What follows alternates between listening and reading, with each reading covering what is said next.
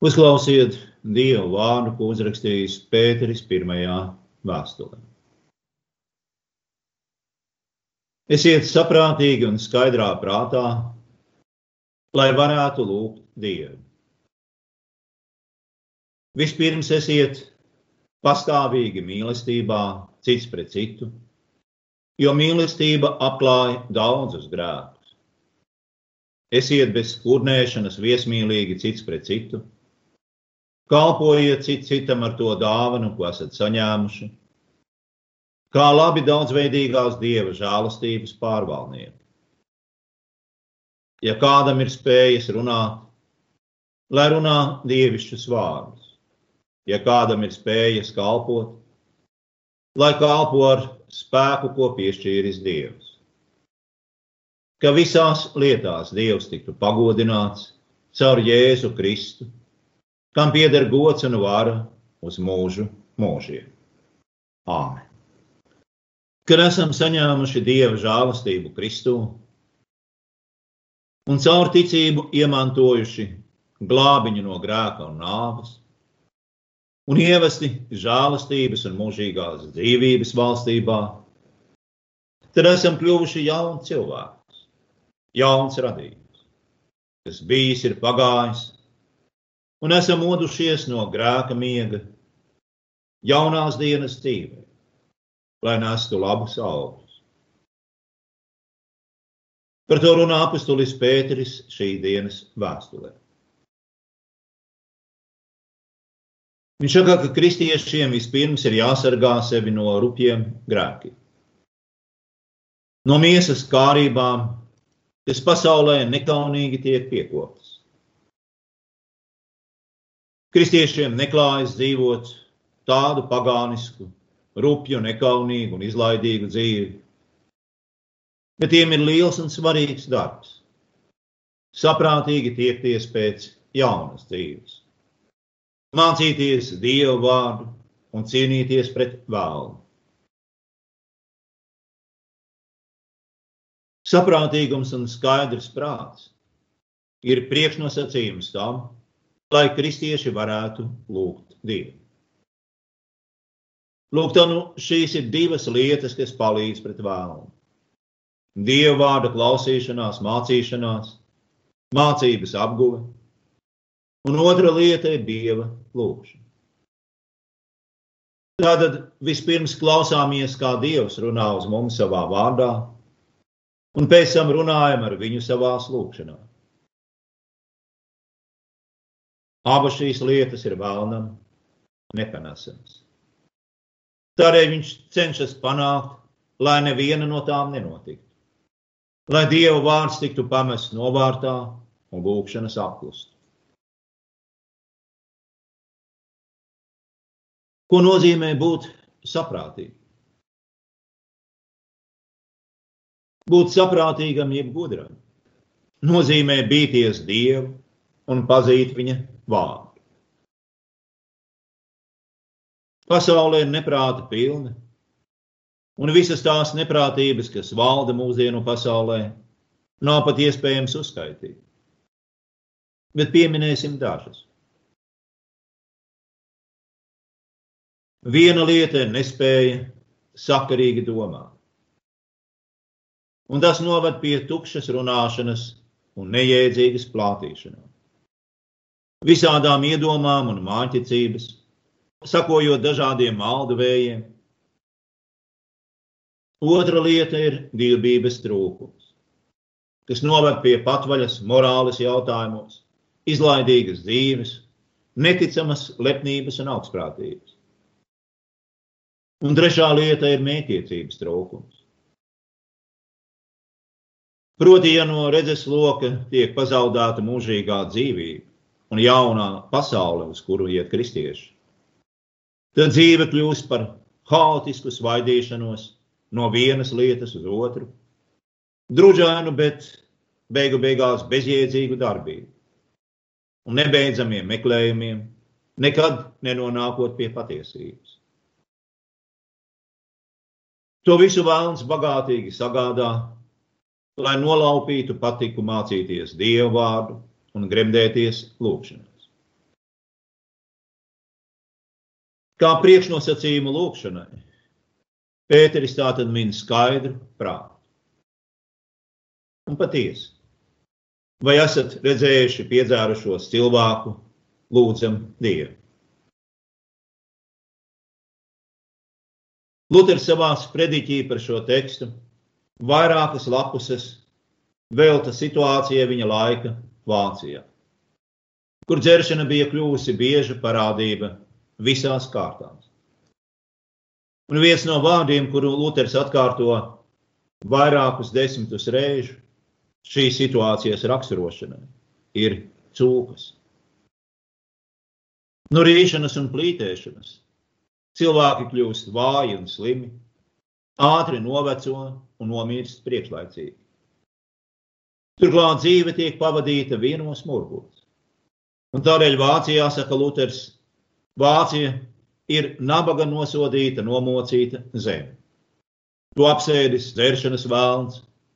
Mūsu ļaudis pilnīgi nogrimuši šajā netikumā un apkaunojošā veidā posta visu savu dzīvi, mantu un godu. Tā kā nu jau vairs nav palicis nekas cits, kā vien cūku dzīve. Ja kāds gribētu mūsu Vāciju attēlot glaznā, tam nāktos to zīmēt līdzīgu cūkai. Luters dzēršanu min kā vienu iemeslu, kas padara Vāciju un citas rietumu tautas vājas uzbrukošo turku priekšā. Nu, un ko lai sakām mēs? Turklāt mūsu dienās dzēršanai klāt nākusi vēl plaša dažādu narkotiku lietošana. Lai ko arī domājam par musulmaņiem, viņi nedzer un nelieto narkotikas, nevelta savas dzīves mantu kultam, un tas viņiem dod lielas priekšrocības iepratī pagrimušajiem rietumiem.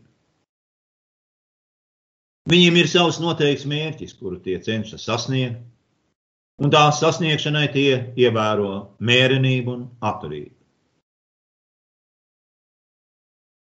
Mūsu mērķis ir mūžīgā dzīvošana, jaunā pasaulē. Mums arī to vajadzētu paturēt prātā. Atceroties, ka netiklība, nešķīstība, izlaidība, alku kalpība, buršana, ienaids, strīdi, nenovīdība, dusmas, ķildas, šķelšanās, ķecerība, skaudība, dzeršana, dzīvošana un tam līdzīgas lietas, kā saka Pāvils, ir lietas, kas pārvelk svītru šim mērķim. Jo tie, kas šādas lietas dara, nemantos dieva valstību, saka Pāvils. Un tādēļ ir jāsaglabā saprāts un jābūt skaidrā prātā, lai varētu lūgt dievu un sasniegt savu dzīves mērķi.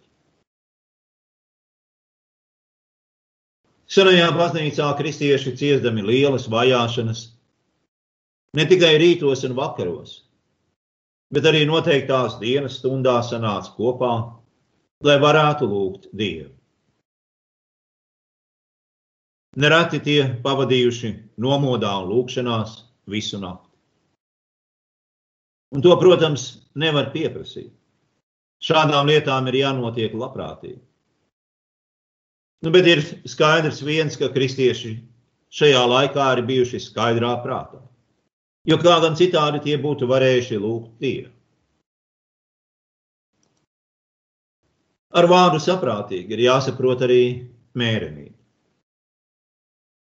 Un mērenības ievērošana attiecas ne tikai uz ēšanu un dzeršanu, bet uz visām ārējās dzīves lietām. Luters saka, ka visā pasaulē pārmērības ir tā izplatījušās, ka neviens vairs nezina mēru milzīgajiem izdevumiem, kā arī tiek veltīti apģērbam, kāzām, saimniecībai, dzīrēm, celtniecībai. Šo lietu dēļ gan zeme, gan ļaudis, saka Luters, grims nabadzību. Neviens vairs nepaliek pie sava mēra, un gandrīz katrs zemnieks vēlas kļūt līdzīgs dišķiltīgam vīram. Bet dišķiltīgais savukārt negrib atpalikt no valdnieka. Ko lai sakām mēs? Mums, protams, nav jādzīvo netīriem un noskrāndušiem, bet mērs gan ir jāievēro. Ir ļoti interesanti un pamācoši, ka Luters saka, ka pārmērībām sako ne tikai zaudējumi, bet arī dieva sots. Un sodu sarakstā Luters min augļošanu, zakšanu un laupīšanu un aplikšanu ar nodokli. Pārmērīgi augsti nodokļi ir dieva sots par dzīves pārmērību. Tālāk Pēteris mudina kristiešus uz savstarpēju sirsnīgu mīlestību, jo tā apklāja grēkus. Mēs nevaram pastāvēt cīņā pret vēlnu, ja mūsu starpā nav mīlestības.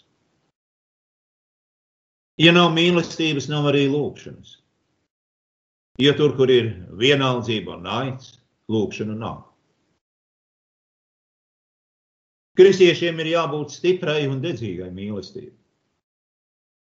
Kā Luters saka, tur, kur ir īsta laulātu ļaužu, tēva vai mātes mīlestība, tā tik drīz nebeidzas.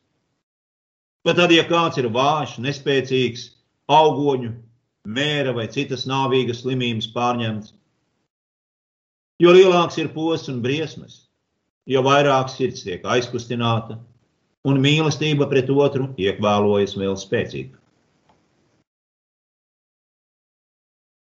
Kā skaistu piemēru Luters šeit min Kristu, kurš apvilka sārtas mīlestības drānas, kas bija slacītas ar viņa asinīm, un dega augstās vārdos neizsakāmās mīlestības karstajās liesmās pret mums, kas vēl bijām viņa ienaidnieki. Tātad posms un bēdas ir tās, kas nevis liek pārstāt mīlestībai, bet tieši mudina uz vēl lielāku mīlestību. Protams, šajā dzīvē mēs, kristieši, joprojām esam vāji, un mums ir daudz trūkumu, un to dēļ rodas nesaskaņas. Tādēļ mums jāpanes vienam otru, jābūt izturīgiem. Mēs nedrīkstam pakļauties dusmām, nepacietībai, vai atriebis kārē. Bet ir jāpanes arī tas, kas mums nepatīk. Ja sirdī ir naids, tas izraisa strīdus, niknums laužas uz āru, atklājas ļaunos vārdos un darbos. Vārdi aprunāšana tiek izplatīti kā meža ugunsgrēki. Un Luters iesaka šādiem aprunātājiem un nīdētājiem sacīt: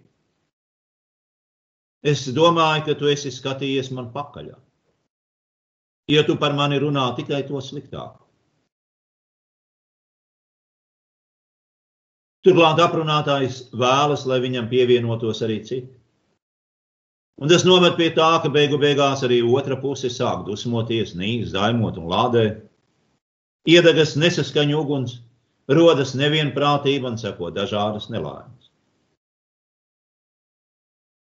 Turpretī mīlestība izturas tā, it kā neredzētu un nedzirdētu pret sevi nodarītos grēkus. Tā labprāt piedod un vērš par labu visu, ko vien var. Šai mīlestībai ir tādas liesmas, ka tā spēj iznīcināt visu ļaunumu. Mīlestība nav uzvara un nomācām, un visu slikto tā vienmēr vērš par labu. Un, ja tā to nespēja, tā pacieši iztur, bet nekad nevairo ļaunumu. Nu, īsi sakot, mīlestība pret savu tuvāko izturas, kā laba māte izturas pret savu bērnu.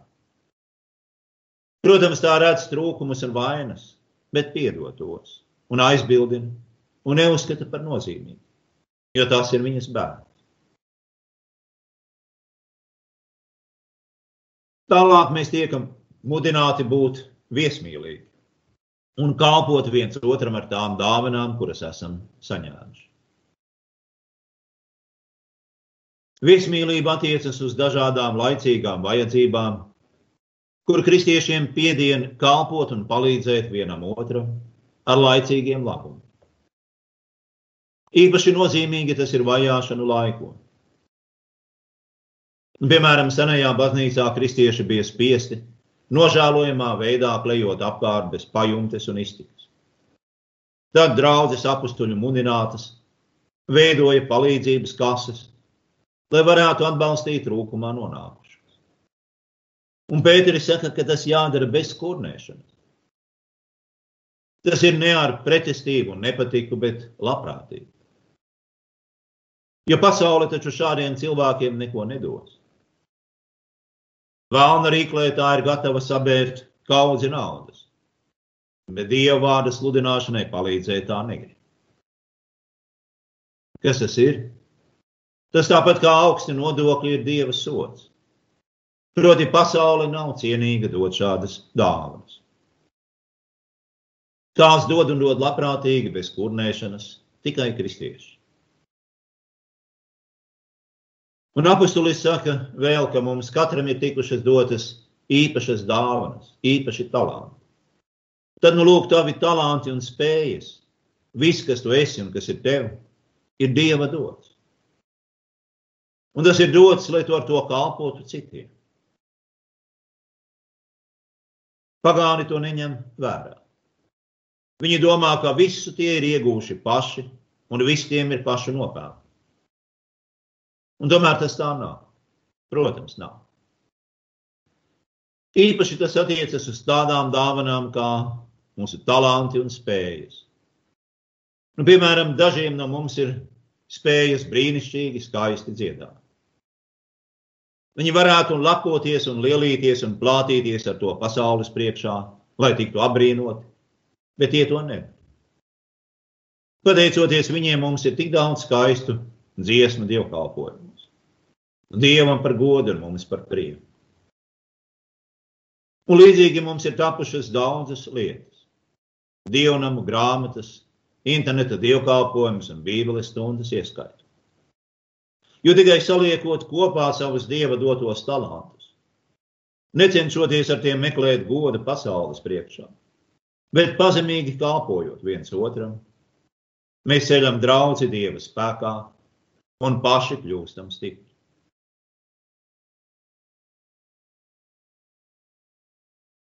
Tālāk apustulis nosprauž robežas. Proti, baznīcā nevienam nav atļauts rīkoties pēc sava prāta un patikas. Bet tajā ir jābūt un jāpaliek tikai Dieva vārdā. Savā namā, kur valda Dievs, Viņš pats visu runā, rīko un dara. Arī tad, ja izmanto cilvēka prātu, muti vai roku. Mācībai, kas atskan baznīcā, ir jābūt skaidram Dieva vārdam, un visam pārējiem, kas tajā notiek, ir jākalpo šim galvenajam mērķim. Un tad mēs visi varēsim būt droši, ka mums kalpo pats Dievs un Kungs Kristus. Šeit ļoti skaidri atklājas tas, ka viss, kas notiek baznīcā, nav atkarīgs no cilvēku spējām, bet gan no Dieva vārda. Un Pēteris to sauc par spēku, ko piešķīris Dievs. Tātad baznīcā savus ļaudis aicina svētī un uztur pats Dievs. Viņš mums arī dod visas nepieciešamās dāvanas, kas vajadzīgas, lai baznīca varētu pastāvēt un tikt uzturēta. Un to visu viņš dara savas mīlestības un žēlsirdības mudināts lai izglābtu mūsu nabaga grēciniekus. Lai viņa dēls Jēzus Kristus tiktu pagodināts, lai mēs viņam pateiktos par žēlastību, kas mums dota bez kādiem mūsu nopelniem, un veltītu visus savus darbus un pūles tam, lai viņa vārds tiktu iepazīts, atzīts un cildināts. Āmen.